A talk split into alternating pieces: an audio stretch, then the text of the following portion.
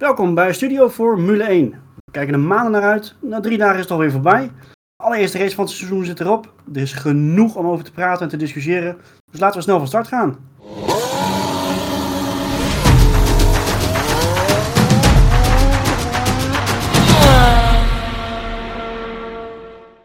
Ook vandaag zit ik weer met mijn medecasters Chris, Marco en Thomas. Top dat jullie er ook weer zijn. Zijn we al een beetje bijgekomen van gisteren of overdrijf ik het dan wel heel erg? Nou, We hebben er Ja, wel een dat mooi is een seizoen goeie opening gehad. Zo niet allemaal tegelijk. Nou, Chris moet nog wel bijkomen dus, oké. Nee, Ja, ik denk echt dat we dat we de mooiste seizoensopener in jaren gezien hebben. Dat bedoel ik. We, hebben, we zijn echt wel, eh, de Formule 1 fan is getrakteerd gisteren. Daar kunnen we volgens mij wel eh, al snel overheen zijn. Eh, ja, absoluut. Ik denk eh, wat Thomas zegt, is inderdaad de mooiste, mooiste opening, openingsrace in jaren. En, en ik denk dat het zelfs een voorbode gaat worden voor de rest van het seizoen. Ja, laten we er wel op hopen. Kijk, Bahrein is natuurlijk ehm, volgens mij vergeleken met de rest van de kalender een circuit waar je redelijk kunt inhalen en volgen. Behalve hè, sector 2 eh, dan eh, potentieel.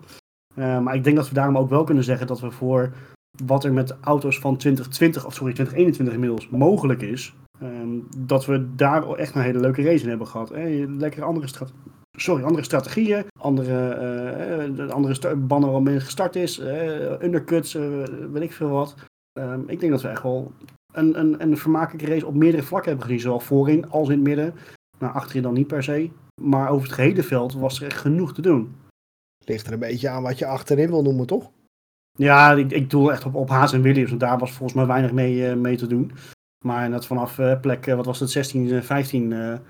eh, eh, was er echt eh, genoeg om eh, voor te klokken de- voor iedereen. Ja, zeker. Ja, vooral belangrijk dat er natuurlijk voorin echt, eh, echt strijd was. Dat is natuurlijk voor het Ja. weekend afwachten van eh, hoe zou Mercedes ervoor staan na die moeizame wintertesten. Nou, en in de kwalificatie kregen we echt een beeld. eh, Verstappen toch met een aantal tiende de pole position weten te behalen. En wat ook wel duidelijk werd na de kwalificatie was dat eh, de auto's die echt vlak staan, zoals de Mercedes en de Aston Martin, dat die wel echt meer last hebben van de regelveranderingen dit jaar. We zagen eh, Max Verstappen pole position halen. Eh Alfa Tauri stond er goed bij. Natuurlijk ook een au- auto die al hoog staat eh, aan de achterkant. Dus dat was wel het eerste wat gelijk opviel op de zaterdagmiddag. Ja, maar Ja. toch, het, het, het, het- hè, als ik hem zo mag inschatten, is het dat ehm, eh, men verwachtte dat, men, een, best wel een deel van de, van de fans verwachtte echt dat Mercedes echt problemen had. Ze waren niet al snel zoals voorgaande jaren, maar hè, zoals wij wel een klein beetje hadden voorspeld van, eh, ze stonden er wel nou, redelijk bij. Hè. We zeggen redelijk, ze, hebben gewonnen, maar ze zijn niet zo dominant als voorgaande jaren, maar de schade is voor hun niet zo mega als dat men misschien had voorspeld of had verwacht, of misschien wel had gehoopt. Ik had, niet, had het niet gehoopt, maar eh, ze, ze, ze, doen nog steeds mee. Ja, nee, absoluut. Eh, maar dat is denk ik ook wel heel knap aan Mercedes. Kijk, ze hebben echt wel duidelijk eh, ja, moeten inleveren met die vloer dan. En als je dan toch ziet op, op zaterdag, dan staan ze gewoon 2 en 3. Doen ze gewoon netjes hun werk. Kijk, bij Red Bull, eh Perez, ja, die, die, die stond eh, na de tweede kwalificatie, lag hij eruit op P11. Ja, dat was natuurlijk Ja. ook al gelijk eh, iets waar ze niet zo blij mee waren bij Red Bull. Ja, dat is een redelijke blunder. Maar ik denk, als je hè, kijkt wat er de volgende dag bij hem is gebeurd. En, en, en, eh, nou, eigenlijk de auto die er gewoon mee kapte op de weg naar de grid. Ik, ik heb eigenlijk nog steeds geen idee wat er nou precies gebeurd was. Hij, eh, ik heb niet er heel veel van meegekregen. Hij heeft, hem- heeft hem zelf weer gestart. Dat vind ik ook zoiets wat, wat, wat mooi is tegenwoordig dat het gewoon kan. Ik denk dat Albon bijvoorbeeld dit niet had gehad eh, geflikt om helemaal naar P5 te rijden. nee, zeker niet. Ik denk dat Perez afgelopen weekend vooral heeft laten zien waarom Red Bull hem heeft aangenomen. Ja. Hij heeft gewoon, ja, gewerkt voor wat hij waard is. En net als vorige race in Bahrein eh, van achteren naar voren toe gereden. Dus misschien ligt het ook wel een beetje dat de baan hem ligt. Dat het nu zoiets is van, oh ja, eh, een paar maanden geleden moest ik dit ook doen. Nou, laat ik hetzelfde trucje weer doen. ja, misschien wel. Ja, nee, de race, de race was prima van Perez. Maar goed, op zaterdag laat hij het wel gewoon liggen eigenlijk.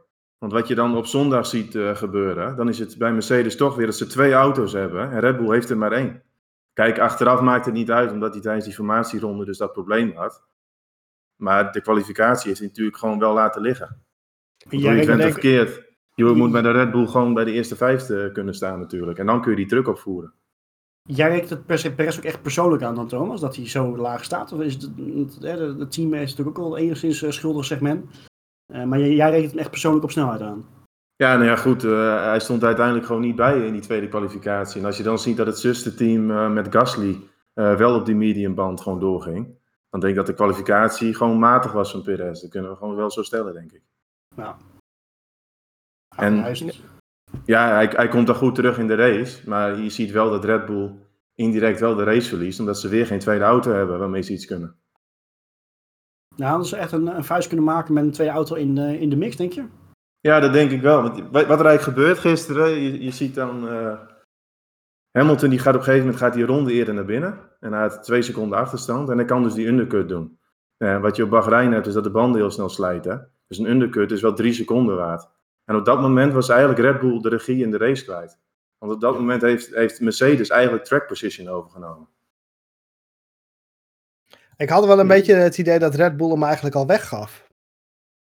Ja, dat was ik... de indruk die ik aan het begin in elk geval kreeg. Ja, door, door Max te laten te doorrijden. Do ja, maar door hem ook veel langer te laten doorrijden. Ja, te ik had zoiets van, nou, waarom counter je niet gewoon en uh, rij je mee? Je bent een snellere wagen. Waarom geef je ze die undercut dan? Want ja, maar dat, dat was dat, de indruk die ik ervan kreeg in elk geval. Ja, maar dat heeft met het circuit te maken. Op Bahrein slijten die banden zo snel. Dat als jij een ronde eerder pit, heb je, heb je gewoon drie seconden tijdwinst in de ronde dat je op nieuwe banden kunt rijden. Dus Hamilton zat twee seconden achter Max Verstappen. En zodra hij naar binnen ging, wisten ze bij Red Bull al, we kunnen niet meer counteren. Aangezien ja, die, undercut, dus, die undercut was drie seconden waard op dit circuit. Dus op het moment dat Hamilton twee seconden achter Max zit en hij pit, ja, dan kan Red Bull al niet meer counteren. Dan is het enige wat je kunt doen, is langer doorgaan. En hopen dat je aan het eind van de wedstrijd die positie nog terugpakt. En dat gebeurde ook bijna. Heb je een sollicitatie opgestuurd ja. naar Red Bull of, of, of, of dat nog niet? nee, maar eigenlijk omdat ze die tweede auto niet hadden, konden ze niet, was het gewoon reageren op wat Mercedes doet. Die hadden eigenlijk een initiatief in handen. Want je ziet op een gegeven moment ook dat, dat Bottas gaat pitten. En de ronde daarna gaat Max. Want ze weten ook, als we daar te lang mee wachten, dan komen we ook nog eens achter Bottas terecht. Dus eigenlijk was, was Red Bull constant aan het reageren op Mercedes, omdat die twee auto's in de mix zouden zitten. Ja. Bij de eerste pitstop. Ja, oké. Okay. Maar goed, overal, het is wel goed om overal te zien dat ze het tempo hadden om Mercedes te volgen, dan wel te verslaan. Het uiteindelijk natuurlijk niet om meerdere redenen. Daar gaan we het zo over hebben, dan zijn we ook een halve aflevering aan kwijt. Ja. Um, hè, maar uh, ik vind wel, wat Marco aan het begin ook gewoon goed zegt, van het is fantastisch uh, om te horen of om te zien dat we strijd vooraan hebben. Niet alleen maar midden in, in het middenveld. Gewoon echt vooraan om de winst. Dat je eigenlijk vooraan van het weekend niet kan bepalen van uh, Mercedes gaat hem winnen uh, met weet ik hoeveel voorsprong. Maar dat je echt gewoon, de, nou, dat, dat je het gewoon van tevoren niet weet. Nee, ja, ja, absoluut. We hebben echt vanaf het begin tot het eind zit je gewoon uh, geboeid te kijken. En dat is gewoon het belangrijkste natuurlijk. Uh, dat je gewoon strijd hebt tot aan de laatste rondes. Ja, het is ja, sowieso zeker. heel lang geleden dat we, dat we een race hebben gezien die echt tot de laatste ronde gaat. Uh, met, met twee kopmannen. En in ieder geval op deze manier. Ja, ja. Maar toch zal bij Red Bull wel meer het gevoel is, we, we hebben wel verloren. Want de hele weekend natuurlijk wel de snelste. En dan in de race, ja, lukt het gewoon net niet. Ja, klopt. Maar dat was toch ook wat uh, Max zelf zei, dat hij wel teleurgesteld was in deze tweede plek. Ja, weet je, hij natuurlijk echt, was echt zo'n zo Max-reactie. Van, uh, ik had het liever gewonnen dan straf gehad. In plaats van nu uh, de, de plek terug te geven. Maar als hij achter het podium had gestaan, hij werd weer weggetrokken. Dan had hij ook een standard lopen schoppen. Hè, dat, is gewoon puur emotie van het moment. maar aan de andere kant snap ik hem wel dat je. het was natuurlijk discutabel. Um, en volgens mij gaan we nu alsnog naar, alvast naar de discussie heen omtrent track limits. Moeilijke combinatie. Um, eh, daar, daar moet wel gewoon, ja, dat roepen we volgens mij al jaren, daar moet gewoon wat mee gebeuren. Want de VIA zegt op de vrijdag of op de, de donderdag drivers briefing, vrijdag volgens mij, zeggen ze het ene. In, in training wordt er, niet op, of wordt er heel streng op gelet. In de races niet. Echter, en dat ben ik wel van mening, van er is wel duidelijk aangegeven van buiten de baan in bocht 4 in de race mag. In principe mag dat ook eigenlijk oneindig, bij wijze van. Inhalen buiten bocht 4 mag niet. Dat hebben ze, wat ik heb begrepen, duidelijk aangegeven en afgesproken. En daar is het dus wel fout gegaan volgens mij. Maar wie heeft nou de fout gemaakt dan?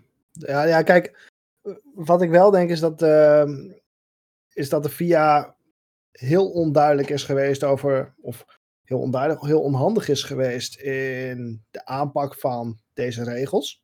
De zogenaamde regel 27 is het geloof ik, leaving the track and gaining an advantage. Zo heet die strikt. Mhm. Ehm, ze hebben daarvan gezegd, die gaan we hanteren. Maar ja, de vraag is inderdaad, wanneer is het nog een, nog een voordeel? Nou ja, goed, sowieso het, het stukje van leaving the track and gaining advantage kan je heel breed bekijken. Want Hamilton, hè, die is, die is, eh, wat was het, 29 keer buiten de baan gegaan. 29 keer, ook is maar een tiende van de seconde, is drie seconden op een raceafstand. En dat was in dit geval, maakt dat heel veel uit. Dus dat is dan leaving the track and gaining an advantage. Max Verstappen heeft zeg maar één keer de track eh, geliefd en de advantage eh, gained. Maar wel zodoende dat hij een racewinst kan pakken.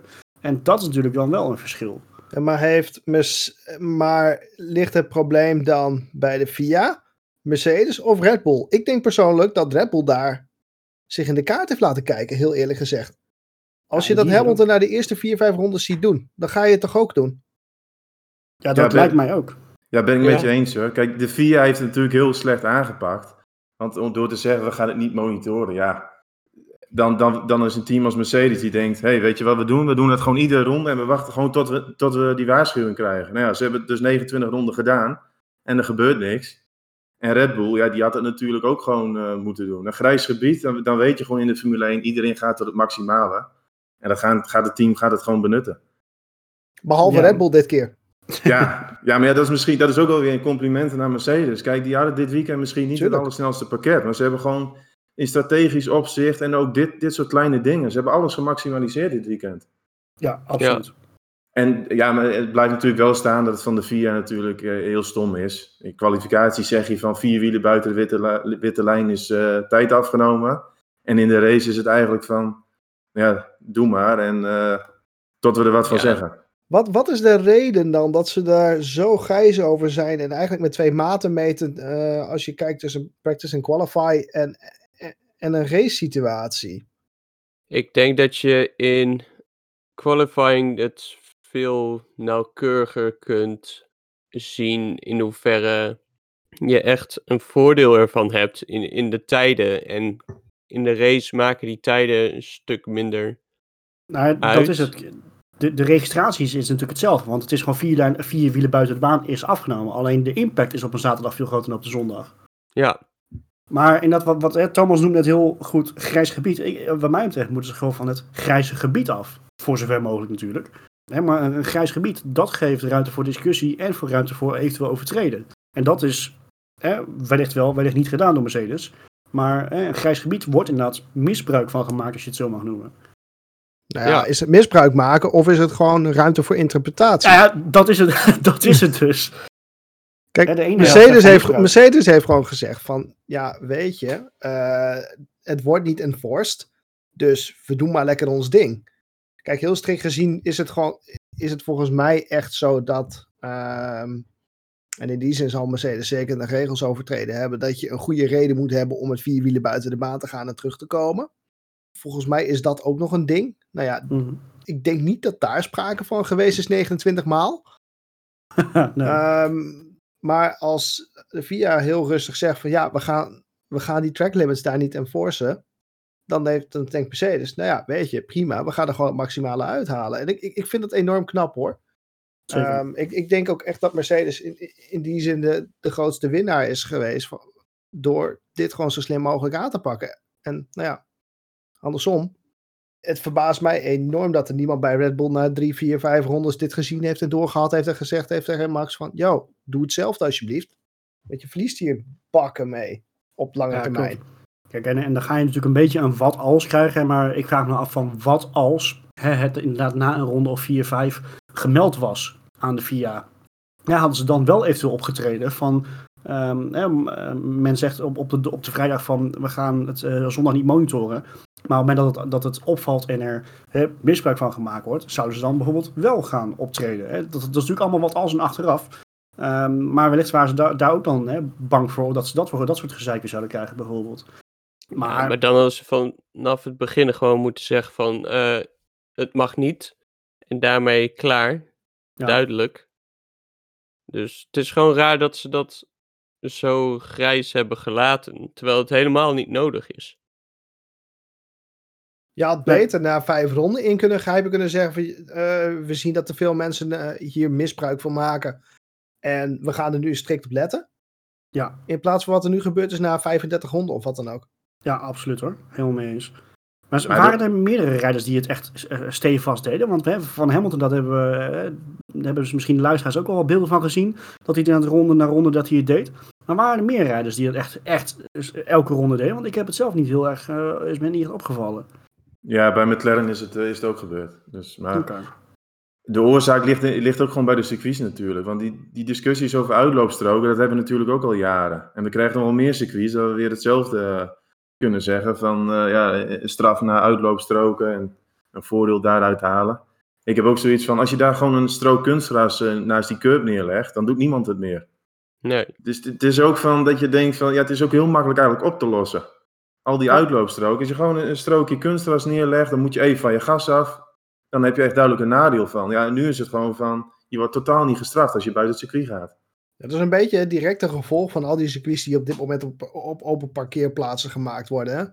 Ja, Nou, weet je, kijk, natuurlijk voor de veiligheid. Nou, trouwens, ook daar heb ik mijn twijfels over of het voor de veiligheid wel zo goed is. Hè, mocht je remproblemen hebben of zo, maar dat is natuurlijk een discussie voor een andere keer. Hè, maar ik snap de, de gedachte achter uitloopstroken en, en, en dat wat je zegt, de parkeerplaatsen, snap ik wel. Maar dat wat Thomas zegt, van hoe- wat voor kwaad kan het als je dat één strookje kunstgras of, of zo'n hè, stuk heel glad asfalt bij wijze van ernaast legt. Dat, dat je net wel echt gewoon de sjaak bent als je ernaast gaat. Want dat zijn ze nu inderdaad niet. En dan ga je dit soort gezeik krijgen. En zo moeilijk moet het volgens mij niet zijn. Zonder, tenminste, eh, het moet niet moeilijk zijn. Plus, het, de veiligheid is volgens mij niet in het geding. Als je het op z'n maar niet doet. Ja, weet niet, er rijdt nu ook een Mazepin rond die letterlijk eh, zijn auto als een Beyblade gebruikt. Ja, oké. Ja, Ja, geen gevolg van de kunstgras stroom nodig. kunstgras is dat Mazepin nog tien keer, nog tien keer in, de ronde, in de ronde gaat. Maar, Ja, maar coureur- nee, ja maar coureurs wilde nemen, hij wel kunstschaatsen worden, weet jij veel. coureurs nemen ook gewoon meer risico. Omdat ze weten van, ik word toch niet gestraft. nou ja, dat is het inderdaad. Dus je gaat ook veel meer die grens opzoeken. En bijvoorbeeld de inhaalactie van Verstappen. Als je daar een kunstgras hebt. Ja, dan, dan was hij even gelift. En dan hadden we die hele discussie ook niet, eh, niet gehad over die positiewissel en dat soort zaken. Nee, klopt. Dus ik denk ook gewoon dat de oorzaak bij de circuits ligt. Van pak, pak gewoon een aantal bochten waar het gewoon gebeurt. Pak dat gewoon aan. En leg daar een, een stuk eh, kunstgras neer. Dan ben je helemaal van die discussie af. Nu, nu Ja. heel strikt kan daar natuurlijk op die plek geen kunstgras liggen, omdat daar natuurlijk een uitloop is naar een ander deel van het circuit. Dus dat is nog weer een beetje anders.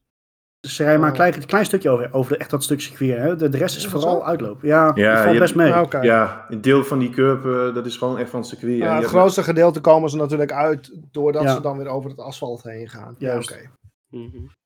Dus Herman, als je luistert, denk, let er even op. Voor de luisteraars, Herman Tielke. Ja, Ja. precies, sorry. Nou, wat, ik, wat ik trouwens wel interessant vond, was dat Red Bull echt, die hebben binnen 30 seconden dus al besloten van, geef die positie terug eh, aan Hamilton. Dat vond ik ook wel grappig. Nou, echt drie, vier bochten later zag je hem al van, van zijn lijn eh, gaan en Hamilton weer voorbij laten. Ik denk dat Red Bull ook gedacht had van, nou ja, die, die positie pakken we zo weer terug. Want ze hadden Ja, natuurlijk ja. versere banden, dus... Zij, zij verklaarde dat Race Control had gezegd. Oké, nou, dat was race Ja. control, eh, oké, dat was race control heel scherp. Want dat, dat viel me ook wel op, dat echt direct werd die positie alweer teruggegeven. Ja, Ja. Race Control heeft het gezegd, maar mag Red Bull op dat moment niet zelf nog beslissen wanneer en waar ze dat doen? Lijkt me wel, toch? Ja, is, is de beste wel. mogelijkheid, toch? Ja, dan doe je het zo snel mogelijk, want dan kun je hem ook zo snel mogelijk weer terugpakken. Dus dat, dat was dan ja, de, de plek waar hij zat was niet heel erg tactisch. Hij had hem beter later kunnen pakken. Ik wou zeggen, hij had hem beter aan het eind van dat rechte stuk eh, laten teruggeven, want dan had hij er dichterop kunnen blijven. En Was dan was niet het te laat een stuk interessanter geweest. Wat? Ik denk dat dat te laat was geweest.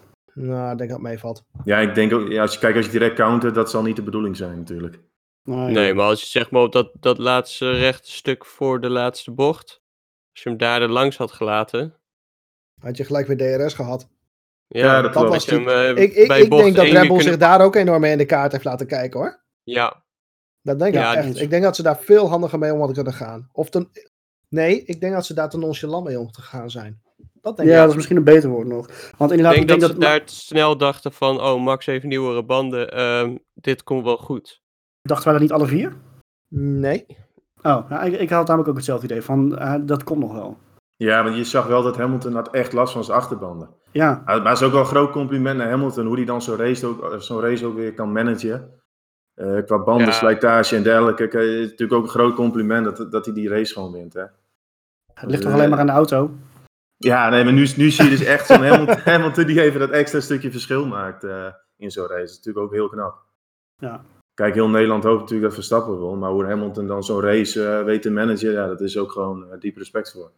Zeker, zeker. Nou, ehm, we hebben vol- volgens mij inmiddels genoeg gepraat over het stukje vooraan. Ehm, het middenveld kan je misschien nog meer over vertellen. Wat zit, dacht, wat zit dat heerlijk dicht bij elkaar. Lekker gevecht overal. Geen team wat, wegrijdt of wat achterblijft.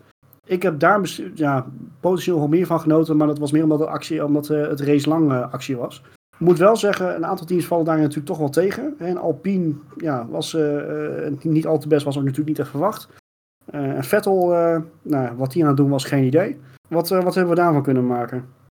Ja, Alonso en Vettel waren wel twee personen die opvielen. In positieve zin en negatieve zin. Kijk, Alon- Ja. Alonso was gewoon weer mooi om te zien. Die was met Stroll in gevecht. En eh, ja, je zag hem echt weer strijden en meedoen om de punt in een auto die echt niet geweldig is. Dat konden we ook wel zien. Ja. En ja, dat, dat vond ik wel heel knap van eh, Fernando Alonso weer.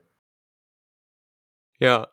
ja, daar ben ik wel mee eens. Het was wel echt gaaf om te zien. Maar ook eh, strijd tussen drie auto's en dergelijke. En het was niet maar één tegen één die elkaar toevallig tegenkomt omdat de andere nieuwere banden heeft. Maar echt constante strijd tussen twee tot drie auto's. En dat was wel echt gaaf. Gewoon echt counterattacks. En dat zien we niet heel vaak meer. Want het is nog heel vaak één, één eh, inhaalmanoeuvre. En dat is vanwege nieuwe banden bijvoorbeeld. En dat is het. En dat had je nu niet. Men kon ook terugvechten. Kon elkaar terugpakken. En dat eh, zie je niet heel vaak meer. En, en hoe vaak hebben we het nu gezien dat we na 20 ronden in de top 10 zeven verschillende teams hebben zien staan? Ja, Poel Dat is- ook nog. Dat is echt, echt heel vet. Ja. Ja, het zat echt helemaal door elkaar heen gemixt. eh. en voor, voor, plek, voor de beste of de rest ging het echt tussen McLaren en Ferrari. Ik vond Ferrari dit weekend ook eh, absoluut geen slechte indruk maken. Nee, Ze zeker. hadden wat problemen qua bandenslijtage in de race, maar kwalificatie zat Leclerc, die zat gewoon in de buurt van eh, Bottas. Dus dat was echt heel knap van Ferrari. Ja, Dat, eh, dat zegt ook nog heel wat over Ferrari, wat we in de komende, in de komende weekenden denk ik gaan zien. Bahrein is, eh, staat er natuurlijk onbekend dat het al een lastig circuit is voor de banden. Dus als Ferrari hier wel problemen heeft, dan kan het altijd nog beter gaan dan de andere, eh, in de andere weekenden. Ja, ik denk dat ze af en toe nog echt best wel leuk kunnen meedoen in de race. Ik, ik verwacht Ja. dan wel een steuntje hoor. En zeker een Leclerc die dan in kwalificatie ook weer echt, echt zo'n super, super ronde eruit weet te persen. Ja, dan kan het nog wel af en toe eh, wel leuk worden. Maar ik vond Sainz ook niet slecht. Nee, die had, die had een heel stabiel weekend. In de training had hij constant eh, goed bij zat. Alleen kwalificatie had hij dan niet wat Leclerc had, dat extraatje. ja. Hij had een klein foutje geloof ik in, eh, in zijn snelste ronde. Maar in de race kwam hij heel sterk nog terug. Ja, dat is wel een beetje herkenbaar aan Sainz natuurlijk. Voor, voor het eerste weekend heeft, heeft Carlos Sainz echt niks om zich voor te schamen volgens mij. Nee, Ehm, maar inderdaad, hè, ver- vergeleken met eh, vooral hoe ik over ze dacht na de wintertest. Hè, dus eh, wat betreft kan mijn eh, voorspelling van de vorige aflevering alweer de prullenbak in, als ik het gisteren zo heb gezien. Die stonden echt een stuk beter voor dan, dan menig één ook had verwacht volgens mij hoor. Dat, maar weet je, je hebt natuurlijk nog een, een Alfa Tauri, wat natuurlijk ontzettend sterk normaal gesproken is, maar die, waarbij Gasly pech heeft gehad. Al was het ook wel een beetje zijn eigen fout trouwens, wat ik zo onboord zag. Maar goed, Ja, dat ja. is achteraf. Maar wel zonde, want hij had er best wel een vuist kunnen maken, denk ik.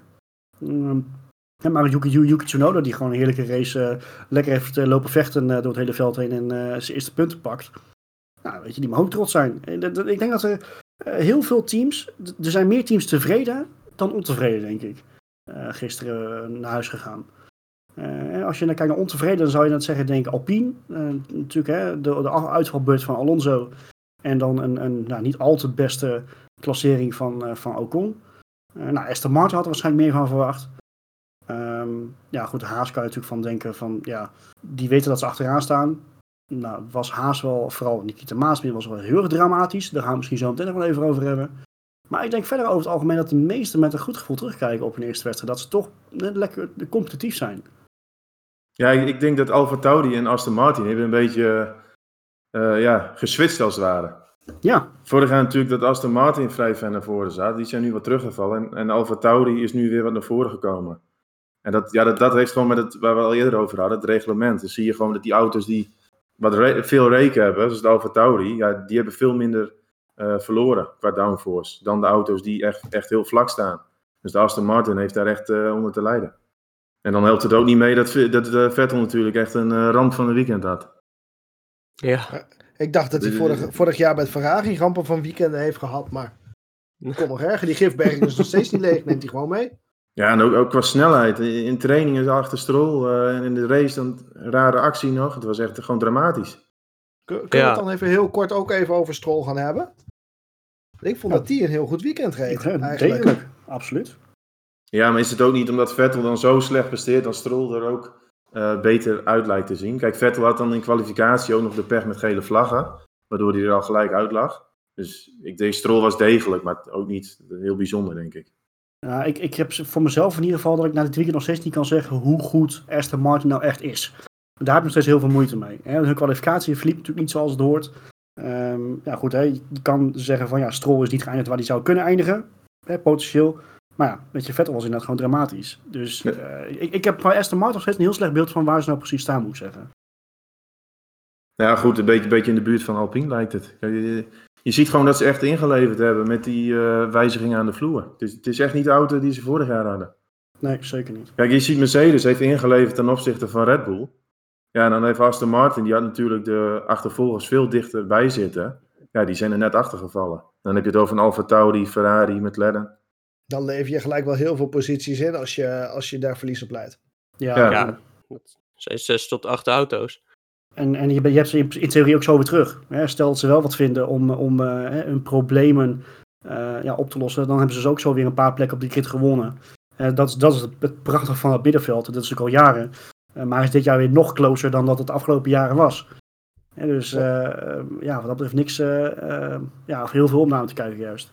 We hebben het, eh, vorige keer hebben we het volgens mij ook even heel kort gehad over ehm, wel of niet gaan doorontwikkelen dit jaar. Maar als het allemaal zo dicht op elkaar zit, kan ik Lekker me zo niet gaan voorstellen dat men niet gaat doorontwikkelen.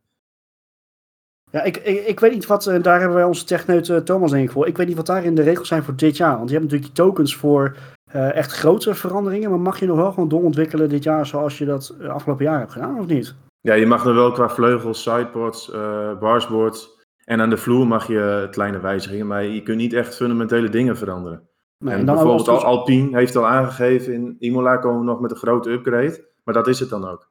Haas volgende, eh, volgend weekend. Of eh, Ja, Volgende keer. Imola. Ja, Ja, maar die hebben ook geen grote dingen meer in de pijplijn zitten. Maar je gaat, je gaat niet meer een stap van een halve seconde of een seconde ineens maken. Dat, dat is gewoon niet mogelijk met deze Ja, maar dat regel. ga je dat over de hele grid niet zien. Maar op zich hoeft dat dan ook niet meer. Ja, als Nee. alles zo dicht op elkaar zit.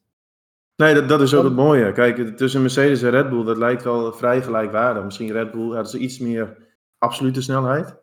Maar Mercedes heeft al aangegeven dat ze een beetje problemen hadden met eh, hybride systemen, met het opladen tijdens de kwalificatie. Dus misschien als ze dat nog kunnen oplossen, dan, ja, dan zitten ze denk ik heel dicht bij elkaar. Ja, maar ja, zo had Max Verstappen natuurlijk natuurlijk zo'n diff-probleem. Eh, dus die was ook niet helemaal eh 100% natuurlijk. Nee, klopt. Ik, ik denk ook gewoon, kijk, als je het over het hele weekend bekijkt, dan was Max Verstappen en Red Bull waren wel ja, een fractie beter Maar dat fractie. Een Ja. fractie echt. Ja, klopt. En dat, dat is ook ja, wat heel interessant natuurlijk om te zien eh, hoe de komende races dan eh, gaan uitpakken. Ik heb in ieder geval ontzettend veel zin in. Ik vind het echt heel fijn dat we hè, na de eerste race, te- in tegenstelling tot, tot, in ieder geval als ik naar mezelf kijk, in tegenstelling tot voorgaande jaren, dat je na de eerste race echt heel erg veel zin hebt in de rest. Dat had je natuurlijk voorgaande jaar ook, maar dat was meer omdat gewoon de Formule 1 aan zich, ja, eh, dat blijft gewoon Formule 1, blijft fantastisch. Eh, maar ik kijk er nu echt naar uit dat je gewoon een strijd vooraan hebt. Een strijd tussen in ieder geval de twee ja, beste coureurs van de, van de grid. Eh, eh, twee van de beste coureurs van de grid. Daar is eigenlijk ook weinig discussie over mogelijk. Een gevecht, een, titanengevecht waar menig fan al, al, ja, eigenlijk al jaren naar uitkijkt. En dit jaar lijkt het eindelijk te gaan gebeuren. Ik hoop wel dat het, ehm, nou, voor zover het kan, respectvol blijft. Dat niet een van de twee gekke capriolen gaat uithalen. Een keer wat geks dat kan gebeuren, maar dat het wel gewoon eh, sportief blijft. Maar dat zullen we natuurlijk zien. Eh, maar over het algemeen eh, kijken we echt met een lekker gevoel in ieder geval terug eh, naar een eerste race. En kijken we mede daardoor echt gewoon uit naar de rest eh, van het seizoen. En ik denk dat het jullie daar wel met mij, eh, met mij eens zijn. Ja, zeker. Ja, nee, absoluut. Kijk, waar je eigenlijk bang voor bent, is- of voor was, was dat bijvoorbeeld Mercedes toch weer een hele dominante auto uit niet zou hebben. Precies. En dat, je, je ziet, ja, in zo'n race ook, kijk, het zat constant, was het gewoon stuivertje wisselen. En je wist gewoon tot de laatste ronde niet wie er zou gaan winnen. En dat is gewoon wat je wil zien. Ja. En hopelijk is dat gewoon een voorbode, voorbode ook voor andere circuits. Ja, daarom. Nee, we hebben natuurlijk nog verder, wat, wat verder naar achter hebben we natuurlijk nog eh, ja, ja, een beetje de achterhoede. Eh, Williams heeft de rode lantaarn overgedragen aan het team van Haas. Ja, weet je, we kunnen natuurlijk niet deze aflevering gaan afsluiten. eh, we gaan het niet afsluiten, maar zonder het over Nikita Mazepin te hebben gehad. Ik weet, hij, de verwachtingen waren al niet al te best. Maar dit sloeg wel alles. Twee leuke feitjes. Nikita Mazepin heeft meer opwarmrondes gereden dan racerondes. En de pitstop van Valtteri Bottas duurde langer dan de race van Nikita Mazepin. Weet je, dan, het gaat niet al te best, laten we eerlijk wezen. En de fout die hij maakte was ook echt een, een eigen fout. Heeft hij ook zelf toegegeven. Weet je, dat kan gebeuren. Maar het is wel gewoon jammer dat hè, de verwachtingen zijn al laag. En dan ja, maak je in die zin maak je de verwachtingen nog waar ook. Daar kun je ook wat over zeggen. Maar dit, dit, dit kan, hier moet Haas er ook niet blij mee zijn. We- Nee, Weet je ik wat het denk wel dat is? eh, Haas vooral moet blijven denken aan de, de centen die ze meenemen. En, en Ja, Ja. Wat, denk je, wat denk je wat het grapje kost wat van gisteren? Dat, eh, dat kost ook nogal wat. ja, maar dat is toch zijn papa die het allemaal betaalt? Ja, maar wel, wel even ter verdediging van, eigenlijk van beide coureurs. Kijk, wat Haas gewoon met die auto heeft gedaan. Het is gewoon een stuk uit die vloer gesneden. Om aan de reglementen van dit jaar te voldoen. En voor de rest is er gewoon helemaal niks in die auto gebeurd. Ja, dit- als je hem ook ziet rijden, is het totale onbalans. Kijk, Schumacher die ging er ook even vanaf. Maar het is, wel, het is ook wel heel karwei om in die auto eh, rond te gaan. Schumacher had er exact hetzelfde, hetzelfde soort spin als wat Mazepin had. Hè? Dus we moeten nu niet gaan doen alsof Mazepin een enorme blunder begaan heeft. Nee. Die auto is zo belachelijk moeilijk te rijden. Ben ik Ja, helemaal ja. met je eens. Ik, maar ik vind Mazepin net zo grote idioot als de rest, eh, als de rest dat vindt. Maar het- het is niet per se aan Mazepin te wijten. Nee, dat ben ik met je eens. Maar als je het gaat opsommen, nee, eerst al twee keer op de zaterdag spinnen in een kwalificatie en daarbij dus ook andermans rondjes eh, vernachelen. Ehm, eh, Lag dat- ook niet dat- aan hem, hè? Lag aan zijn engineer. En breakbar ja. wire probleem. Ja, maar zal, ja, nou goed, Ja. weet je. Ja. dat is Mazepin niet aan te wijten, sorry. Nee, ik vind, ik vind het, dat het een beetje overdreven eh, gedaan wordt. Kijk, die, die jongen dat is eh, in zijn rookiejaar en hij wil iets te veel en dan maakt hij wat fouten. Maar als je ook kijkt, Schumacher, eh, wat we zeiden, die ging ook in de rond. Hè. Die auto is, dit ligt echt voor geen meter op de weg. Nee, die auto is zeker niet best. Ze hebben echt, wel als, als, wat jou betreft hebben ze dus echt gewoon ehm, een slijptol gepakt, een stuk eruit gesneden en dat is het. Ja, en de- wat, ja, dan klopt de hele balans in die auto niet meer. En dat zie je ook. Eh, en op zondag waren er wat extra windvlagen. Ja, Schumacher ook. Die, in één keer zie je gewoon een sweeper komen. Ja, Zonde voor een Ja. Haas. Ik vond, ik vond ze, vind ze in principe nog steeds een hele welkome verrassing op de, op de grid. En, en een ja, goed, Amerikaans team is het dan niet per se meer. Ze rijden onder de Amerikaanse vlag. Maar ik vind het wel jammer. En ik hoop wel dat ze nog wel gewoon blijven. Eh, want el- elk team wat je verliest is natuurlijk zonde. En dit gun je niemand. Eh, maar het is, eh, eh, ik, ik vind sneu voor, eh, ehm, laten we dan allebei talenten noemen, als een Maaspin en Schumacher, dat ze natuurlijk ook helemaal niks kunnen laten zien in dit geval.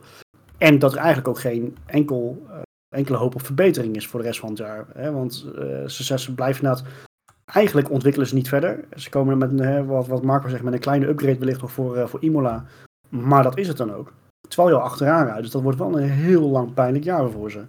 Wat, wat ik Ja. denk waar, waar Haas naartoe wil eh, dit seizoen is lekker die rookies allebei metertjes laten maken. Als ze niet te veel verkeerd omstaan. Ehm, dat ze aan het eind van het seizoen of aan het begin van komend seizoen kunnen zeggen van oké, die jongens zijn lekker warm gereden. Die weten een beetje hoe het werkt, hoe het spelletje werkt. Ehm, en hier staat een, met een beetje geluk, een wat degelijker auto dan dat ze vorig jaar hebben gehad. Dat zal het Ik- doel wel zijn. En ik denk niet eens dat het een heel slecht idee is, want dat betekent dat je dit jaar een, een relatief goedkoop jaar kan rijden. Mhm. Ehm, zonder verwachtingen. Dus die jongens die kunnen die auto zich ook lekker eigen gaan maken. Dan moet je wel een auto hebben waarmee je overweg kan. Ik denk niet dat het. Ik denk niet dat het een goedkoop jaar gaat worden als ze zoveel in de ronde gaan spinnen. En ik had eigenlijk ook gehoopt dat je zei van dat ze na een jaar goed warm gedraaid zijn. Maar gebruik van het woordgrap. Maar Godsamme. Jammer dit, Chris. Get graag af. Maar Nee, maar Ik kijk, eh, het, ik het denk is niet dat het echt goedkoop gaat worden. Als dit een voorbode is voor de rest. Nou, weet niet. Nou, ik, ik ben het wel met Marco eens. Kijk, de meeste kosten van een Formule 1 team zitten hem altijd in de doorontwikkeling. En ze hebben nu gewoon heel simpel gedacht, we nemen gewoon die auto van vorig jaar, passen hem een beetje aan. En daar gaan we het seizoen mee rijden. En voor de Mick Schumacher bijvoorbeeld, die heeft, heeft gewoon echt wel een degelijk weekend, denk ik, gehad. Heeft mooiste rondjes kunnen rijden, ervaring op kunnen doen. Ik denk niet eens dat er zo heel veel uh, mis mee is. En Mazepin moet gewoon iets rustiger worden. En ook gewoon lekker zijn meters maken. Nou, ik ben Ja. er ook niet, niet, niet eens zo negatief over. Ik, ik, Nee. ik, mag niet, ik mag hem niet vergelijken met een Max Verstappen. Maar Max Verstappen is een, vroeger, is een beginjaren was ook redelijk roekeloos. En af en toe ook wel eens... eh, ehm, eh, Het was echt een jong jochie. Met alle respect voor hem natuurlijk. En daar... Die vergelijking mag je niet maken. Maar toch ergens wel, denk ik. En terecht ook. Eh, begrijp me daar ook niet verkeerd. En weet je, misschien ben ik inderdaad iets te negatief. Maar het ging maar vooral om die, die ja, toch wel wat aparte feitjes die dan eh, natuurlijk naar voren komen. En het was geen weekend om naar huis te schrijven. Maar en dat voor een eerste weekend, weet je, je moet er niet naar kijken. Maar het feit is wel, dit zal hij wel moeten verbeteren. Anders blijft hij wel het lachertje, of wordt hij het lachertje, of whatever. Kijk, hij En- moet niet doorzetten. Dan, dan, maakt hij, dan maakt hij hem waar. Ja, precies. Maar, eh, want hè, Thomas noemt net een, een, een punt aan, of schrijft eh, een punt aan van, ehm, hè, hij, hij moet ook rust in zijn kop krijgen en, en eh, gewoon rustig gaan verbeteren. Eh, we hebben uit de Formule 2 gezien, een Maaspin die wat gefrustreerd is. Dat wordt nog wel een dingetje. Dus ik hoop niet dat we daar issues mee gaan krijgen. Ik weet niet, ik vind een Mazepin een gevecht is... eh, het, is allemaal eh, randjeswerk, hè? Dat gaan we dit jaar niet zien. Maar hij, Nee, er gebeurt wel wat. je hebt absoluut wat om over te praten. En, en die paar keer dat we hem over de scheef hebben zien gaan, nee, daar, daar ben ik geen fan van. Maar als dat er een beetje uitgeslepen kan worden, ik denk dat het een echt wel een gewiekstrijder kan worden. Ik, ik, ben, ik ben niet per se extreem negatief. Nee, weet je, dat moet ik ook niet zijn. En dat, dat, dat is ook niet per se mijn bedoeling. Eh, maar goed, het was meer een stukje van... Hè, eh, als, iemand, als iemand een slecht weekend heeft gehad, dan is Nikita Mazepin wel. Oh, zeker. Nee, nee, er is één iemand die nog een slechte weekend gehad heeft. Ja? Ja, nee, ja, nee, ben ik met je eens hoor. Kijk, dit is een viervoudig wereldkampioen. En Ja, die dan tegen Ocon aanrijdt, dat, vind ik dan, dat is denk ik veel kwalijkere zaak. Ja, en ook nog zeggen dat, dat Ocon... eh, wat was het? Ocon ver- veranderde van lijn of zo, toch? Eh, zei hij. Ja, dat zei hij inderdaad. Ja. Ja, maar da- daar heeft Vettel ook wel een handje van. eh, dat hij dan zelf een fout begaat en eigenlijk de ander altijd de schuld geeft. Dat betrap ik hem wel vaker eh, op de laatste jaren. Ja, jammer is dat eigenlijk. Dat is ook niet, niet, ja, niet vi- viervoudig wereldkampioen waardig. Nee, nee, absoluut niet. Als je dat, dat vergelijkt dan met een Alonso die dan voor het eerst erin stapt en dan ja, gelijk een sterke race laat zien en een Vettel. Nou, nu, het, het is het eerste weekend, hè. Kijk, hij kan zich verbeteren, maar het, het was echt ronduit eh, slecht wat hij liet zien. Ja, Weet ik- ja eens. eens. Beschamend. Ja, Ja. Weet je, nou, ja. wat, wat, wat we net zeggen, een, een Maaspin mag dit soort foutjes maken. Eh, ook, ook liever niet, maar die mag het doen. Maar Vettel, nee. Echt niet. Nee, nee, met al zijn ervaring eh, ja, reed hem er gewoon frontaal eh, tegenaan bij Ocon. ja, en ook het hele weekend eh, zat er gewoon echt niet goed bij. Ja, achter, constant achter Stroll. Ja, en in de race dan maakt hij er helemaal nog een puinhoop van. Dus nee, dat moet Ja. gauw beter. Ik denk dat ze bij Aston Martin ook nog wel zullen denken van... Oeh, hadden we niet beter gewoon Perez kunnen laten zitten? Ja, want eigenlijk is hij, hij is de vervanger geworden van Perez natuurlijk. Die staat toen zonder stoeltje. Ja, en het kost nog meer geld ook, want Perez dan nog eens een keer wat mee. En Vettel volgens mij niet zoveel. Hm. Nee, nee, die, die eh, krijgt betaald. Dus eh, ja, ja, Ja. natuurlijk marketingtechnisch is een viervoudig kampioen wel interessant. Ja, dan zal, zal hij ook wel echt eh, ook meer op de baan moeten laten zien dan een Perez. Nou, dat, dat valt nog maar te bezien. eh. Ja, nou, weet je, het, is- het is pas een eerste weekend. We gaan zien hoe het de komende races eh, ontvouwt. Maar het zijn wel twee coureurs. En we hebben nu wel de twee coureurs gehad die wat extra in de gaten gehouden gaan worden eh, in, op Imola, denk ik. Maar goed, dat Ja, eh, is eh, voor, de, voor de toekomst. Zijn er eh, verder nog zaken die echt opgevallen zijn? Wat we echt nog eventjes eh, waar het over willen hebben? Nou, hoe vonden we eigenlijk alle rookies eh, het doen? We hebben nog Schumacher gehad, Tsunoda. Rookie Tsunoda. Yuki de Rookie, zoals eh, Jack Polja Yuki zo mooi de zei. Rookie? Mijn hemel. Ja, kijk, die had de kwalificatie liet, hij, liet hij een beetje liggen, maar die, die reed wel een hele sterke race. Die Ja, liet al gelijk echt. wel mooie dingen zien. Ah, twee divebombs die eh, redelijk uit de verf kwamen. Ja, geen Ja. kamikaze? Oké, nou, helemaal goed. Nee, het, het is wel een agressieve coureur en dat eh, mag ik wel graag zien. Dus die, die maakt wel een eh, leuke indruk. Ja, en eh, met, die, met die Alfa Tauri, dat is ook gewoon een auto waar je echt wat mee kunt. Ja, Wie van ons Ja, had ik- ook weer een, een podium voor het Tsunoda voorspeld? Ja, volgens mij was ik dat. Ja, dat zit, dat zit er nog wel in. Ja, en dan Mick Schumacher nog. Ik denk dat hij ook gewoon een degelijk eh, debuut had. Gewoon degelijk, ja. Die heeft het hele weekend in principe geen gekke dingen gedaan. Als je dan die auto ziet rijden, is het gewoon heel moeilijk eh, te besturen. En hij zat gewoon voor zijn teamgenootje en af en toe nog in de buurt van Latifi. Nou, best wel ruim voor zijn team. Hij is ook hè? voor Latifi geëindigd, dus dacht ik. Ja, maar Latifi is uitgevallen. Die heeft ze aan het einde van de race hebben ze hem naar binnen gehaald. Oh, echt? Daar heb ik niet op zitten letten. Ver, verdorie. We- Werd ook niet echt laten zien, geloof ik. Maar volgens mij was Schumacher in training en dergelijke, was best nog wel, voor zover het kan, een klapsnel nog aan Maaspin. Of heb ik dat verkeerd eh, gezien? Zes, meestal zeven wordt- tiende geloof ik nog. Ja, want Ja, meestal wordt, veel. eh, Schumacher wordt er meestal van beschuldigd in de afgelopen klasses waar hij heeft gereden dat hij echt, echt een diesel is. Eerste jaar erin komen, tweede jaar vlammen. Maar eh, mwah, het, het, het viel mij niet tegen. Nee, ik denk dat hij eh, ja, gewoon een prima debuut had. Kijk, hij heeft niet het materiaal van het Tsunoda, dat hij echt wat kan laten zien. Maar gezien het materiaal waar hij in rijdt, denk ik dat dat gewoon, ja, gewoon prima was. Ja, Ja, top. We hebben echt een kwalitatief, echt een fantastisch veld wat dat betreft dit jaar. Dus eh, laten we dat inderdaad ook zo lekker, eh, lekker zo houden. En eh, gewoon hopen dat we mooie dingen gaan zien. Inderdaad, een Tsunoda nu die nog een keer wat geks gaat doen. En Schumacher die hopelijk een keertje hè, met de Williams kan knokken. Of een Maaspin die met de Williams kan knokken. Ik noem maar wat, maar dat zou gewoon mooi zijn. Ja, verder is ik eventjes te denken, hebben we... wat vonden we van McLaren? Want we hadden allemaal in, in aflevering 2 dat we allemaal eigenlijk McLaren... ehm, ja, ze waren nog steeds wel het derde team. Maar ik had zelf toch verwacht dat ze nog iets dichterbij zouden zitten bij de top twee teams. En dat vond ik wat dat betreft toch misschien een klein beetje tegenvallen. Voor zover je over tegenvallen mag praten als jij eh, vierde wordt. Ehm, maar ik, ik had ze toch misschien wat sterker verwacht, denk ik. nou, ik vond ze op zich wel prima. Norris en, en Daniel, de, de eerste paar rondes, hadden een mooi gevecht. Dat was wel gaaf om te zien. En ook eh, de strijd tussen Norris en eh, Leclerc was wel, ja, was wel mooi om te zien dat hij wel echt eh, McLaren vooraan wilde zetten. In ieder geval voor het als best of the rest. En ja, die 30 seconden of zo afstand ertussen, dat, ja, dat misschien dat het ook nog wat meer aan de, aan de track ligt. Of dat McLaren nog wat kleine verbeteringen gaat laten zien. Maar ja, ik had zelf niet echt verwacht dat ze echt mee, mee zouden gaan doen. Ik denk meer dat, het, eh, dat er wat te zeggen valt over het gat eh, dat Red Bull naar voren geslagen heeft. Ten opzichte van wat McLaren nu laat liggen. En de verbetering die Ferrari laat zien ten opzichte van McLaren. Ik denk dat McLaren precies staat waar ze zouden moeten zijn. Heel eerlijk. Ja. Ehm, maar het beeld eromheen wat geschoven is, naar mijn idee. Ik, denk, ik, ik vind Red Bull er beter uitkomen dan ik had verwacht. En Ferrari er beter uitkomen. Waardoor ze eigenlijk ergens anders eh, op het landschap liggen. Laat ik het zo zeggen.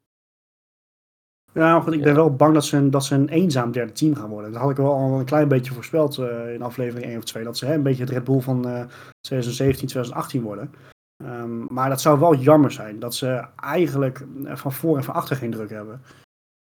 Nou, Ja, ik, ik, denk dat, ik denk dat ze behoorlijk zwaar krijgen nog om derde te worden. Als ik, Ja, zag dat dat denk ik Ferrari, als ik zag dat Ferrari het afgelopen weekend... eh nou, Leclerc die finished eh, voor Ricciardo en Sainz eh, kwam er ook nog aardig in de buurt. En wat we ook zagen van de McLaren is dat hij op de rechte stukken vrij goed ging. Maar in de bochten weet ik het nog niet, zo 1, 2, 3. En dan moet ik nog maar zien op andere circuits hoe dat eh, zich gaat ontvouwen. Ik, ik, ik, denk, ik zie ze niet zomaar heel makkelijk derde worden, eerlijk gezegd. Hm, oké. Ik denk dat het inderdaad wel een echte strijd gaat worden tussen Ferrari en McLaren voor die derde plek. En misschien ook Ja, nog eh, eh Alfa Tauri al, als nou ja, Perez vleugels heel houdt. Of eh Perez, Gasly. eh. Ja, dus stiekem hebben zij misschien niet de stap gemaakt die wij een beetje gehoopt, eh CQ verwacht hadden, denk ik. Nou, wellicht. Eh, als, je, als je ook in de race ziet, 50 seconden achterstand, geloof ik, eh of een raceafstand, dat is natuurlijk nog steeds eh, behoorlijk fors. En, en- ja, wat, ik- wat ik al zei, kijk, als je in de data ziet dat zij, waar zij snel zijn, dus op de rechte stukken. Ja, Bahrein heb je daar een aantal van. Maar we gaan straks ook naar circuits toe die vrij bochtig zijn. En dan moet ik nog maar, af, maar, nog maar zien eh, hoe dat zich verhoudt tegen Ferrari. Of ze dan misschien wel achter Ferrari komen te staan. Dat is een interessante. Ja. En wat, wat vinden we eh, op dit moment aan de strijd binnen McLaren? Ja, weet je, kijk, Ricciardo is, hè, Ricciardo is nieuw in het team. Dus je kan wat dat betreft... eh hè, Lando Norris is ten eerste al of ongeveer eh, opgegroeid bij McLaren. Ricciardo komt daar nieuw, is natuurlijk echt wel een topcoureur. Maar het, het, het gat was respectabel, denk ik. Eh, niet niks om je voor te schamen.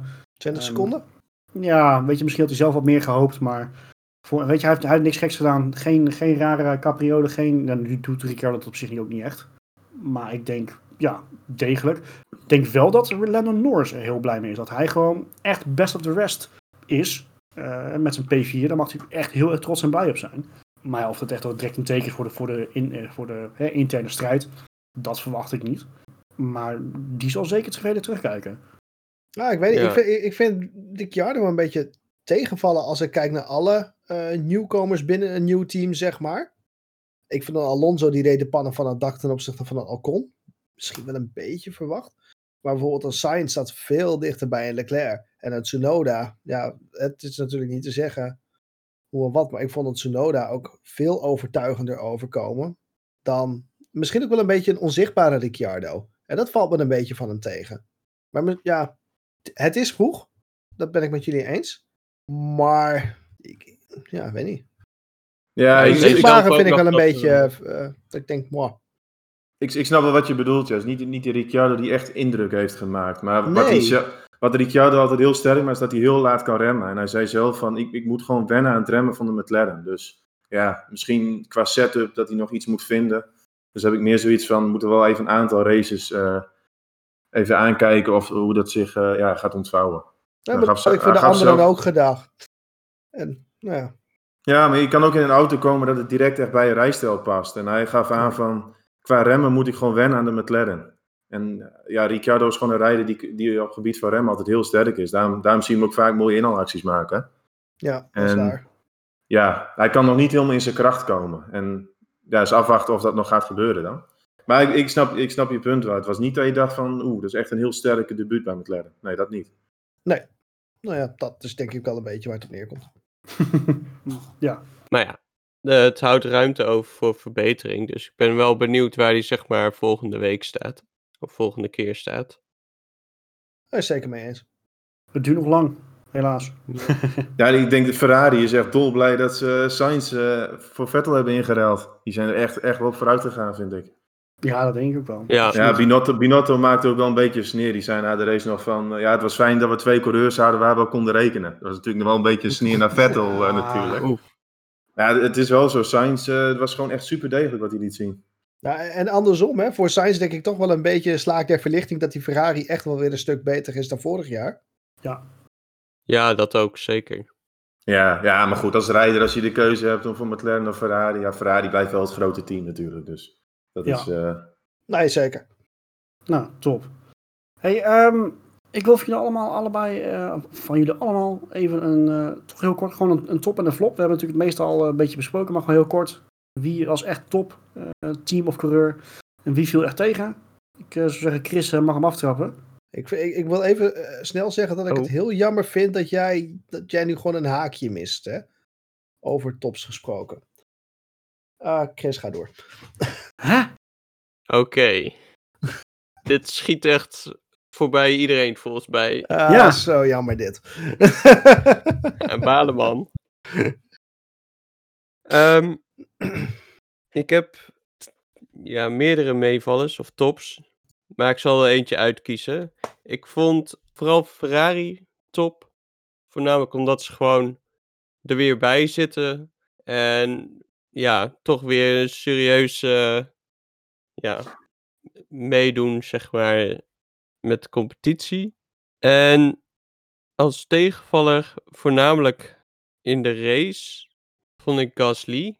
En dat komt voornamelijk omdat ik wel had verwacht dat hij, ondanks dat hij zijn neus eh, eraf reed, wel verwacht had dat hij wat meer terug zou komen.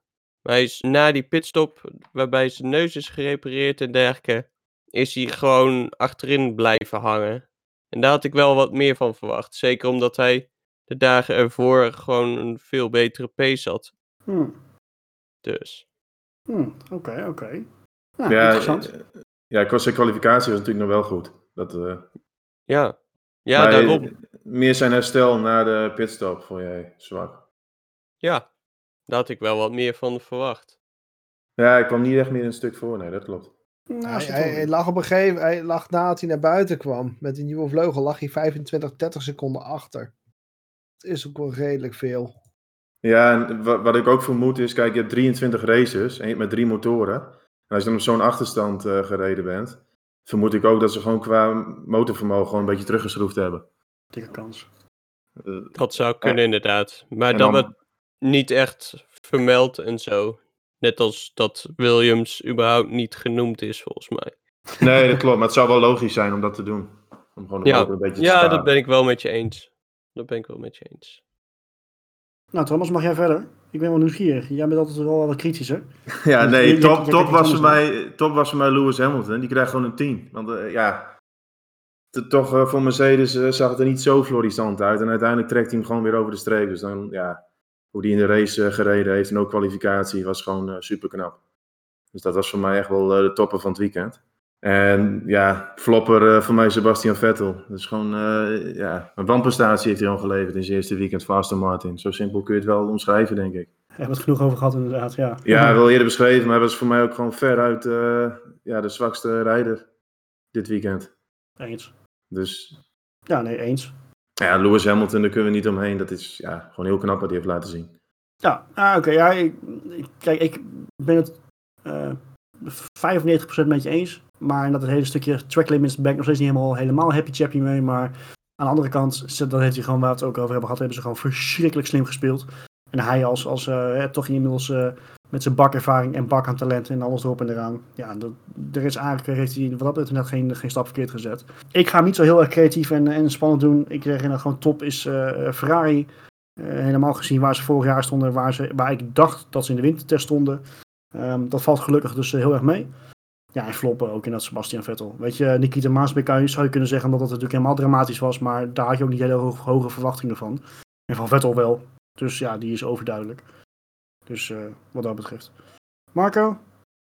Ik, ik, ik ga met eh, mijn top ga ik mee met Thomas. Eh, Lewis Hamilton. En, en misschien ook wel Mercedes aan zich. Die gewoon alle ruimte. Ja, pit, pitstop van Bottas was, eh, was heel jammer. Dat klopt. Maar ik, Mercedes en, en vooral Lewis Hamilton, die, die rijden die race helemaal plat. En die doen het beste wat ze kunnen. In een race waarin ze ja, tot het uiterste gaan. Ik denk dat we het zo wel mogen zeggen. Om gewoon die race over de streep heen te trekken. En daarbij hebben ze alles wat mocht en, en misschien net niet mocht ter hand genomen. En, en, en maximale uitgehaald. Mijn flop van het weekend, ehm, Red Bull. En dan heb ik het eigenlijk met name over wat ze met Max Verstappen gedaan hebben. Ehm, en, hoe zij juist niet het maximale uit hun weekend gehaald hebben. Red Bull was het team to beat. En ja, we hebben het al eerder gehad ehm, over het gebruik van track limits en dergelijke. Red Bull had daar veel sneller en veel beter op in kunnen spelen. En dat met het moment waarop ze Lewis Hamilton er weer langs hebben gelaten. Ik kan er niet omheen dat dat beter had gekund. Leuk, interessant. Ik, ik, Ja. Red, Red Bull heeft, naar mijn idee, die hele race weggegooid. Ja, zonde. Gelukkig hebben er nog 22 te gaan. Dus we hebben Ja. nog eh, heel veel races om, eh, om het eh, goed te maken. Maar inderdaad, ik, ik, ik snap helemaal. Top, dankjewel.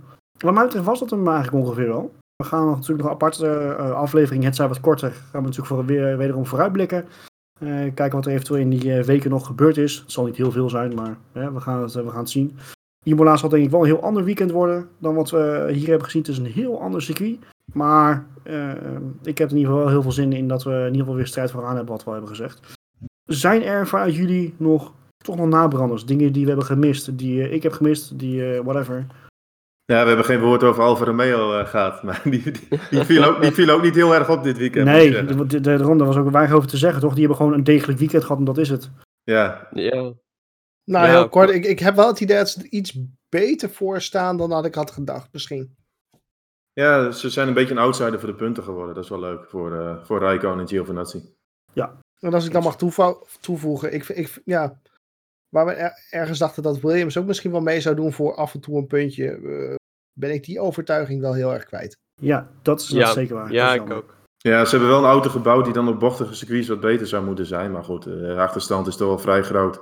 Is- Die gaan niet serieus meedoen, nee, dat, eh, dat lijkt wel duidelijk. Maar dat is ook wel zonde. Maar je zag ze afgelopen race ook amper. Maar er was één moment dat eh Russell op eh, P10 reed, omdat hij nog niet gepit had. Maar verder waren ze ook gewoon uit beeld verdwenen. Gelukkig hebben ze niet zoveel sponsoren op die auto staan die eh airtime willen. Nee, nee kijk, hebben ze de- dat wel expres gedaan dan. ja, maar de achterstand was vorig jaar natuurlijk ook vrij groot. Dus het zou eh, gek zijn dat ze dan in één keer wel zomaar om de punten mee zouden doen. Dus wat dat betreft ook niet heel onverwacht, denk ik. Nee, dat niet. Maar het is wel, wel stiekem een beetje gehoopt. Eh, een team als Williams hoort gewoon niet zo achteraan te rijden. Eh, helemaal een George Russell niet. Maar goed, hè, dat, eh, het, het is even niet anders. Maar gewoon jammer. En, en nog heel even terug te komen wat eh, Mar- Marco zei over de negatieve eh, team van het weekend Red Bull. Ze, ja, het, klinkt, het klinkt misschien een beetje raar, maar ze hadden natuurlijk een paar schoonheidsfoutjes ook gewoon gedurende het weekend. Ze hadden bijvoorbeeld bij Perez dat ze net die eh, derde sessie niet gehaald hebben. Qua banden, dat, dat Mercedes had twee harde banden nog over voor de race en Red Bull maar één. Waardoor ze strategisch iets minder mogelijkheden hadden. Dus ze hebben het wel een beetje laten liggen. Dus in die zin kan ik het wel een beetje begrijpen. Dat Marco Ja. zo noemt als negatieve verrassing van het weekend. Ja, zeker. Ik, ik, ik ben het ook helemaal met Marco eens wat dat betreft hoor. Absoluut. Ja. Nou, super. Ik, eh, ik vind het mooi geweest. We hebben net een uur erop zitten inmiddels precies. Dus eh, er is ook genoeg geweest om over, eh, over te praten. Dank jullie wel voor, eh, voor de aanwezigheid. Luisteraars, bedankt voor het, voor het luisteren. En we spreken jullie en horen jullie graag weer bij een volgende.